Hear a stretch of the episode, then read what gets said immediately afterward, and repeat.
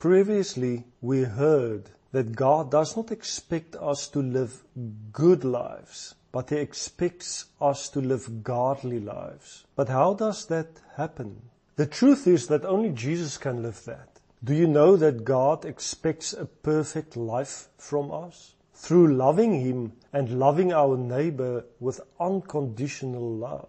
Adam was created to live such a life through His Spirit but he could only do that in the presence of his creator. But through man's fall, his relationship with God was totally ruined and he was unable to live such a life any longer because he broke his unity with the source of life. For that reason, Jesus came to earth as perfect man to demonstrate that this perfect life of love can be lived by man on earth. Through the crucifixion and resurrection, Jesus paid in full for everything that was against man and which kept man in the darkness of sin. His redemption now allows man to hear God.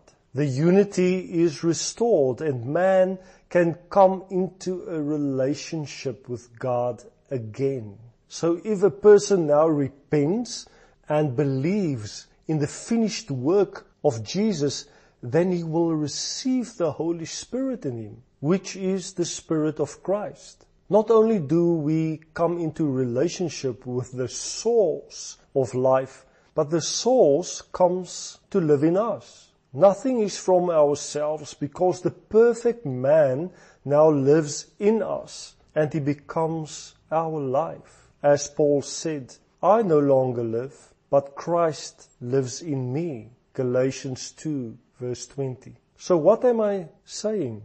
I am saying that on our own, no one is able to live the life of a true disciple of Jesus. But God does ask us to live this life because through His Word and His Spirit, we are empowered to live the life of Jesus. It is impossible to live a godly life in our own strength and power, but it becomes an absolute reality through our submission to the Word and the Spirit. We cannot love perfectly in our own strength, but God pours His love into our hearts through the working of the Holy Spirit. So what motivates you and me to change into the image of Christ? The work of the Holy Spirit in us is the only constant motivation that is always there and is enough. In order to change into the image of Christ,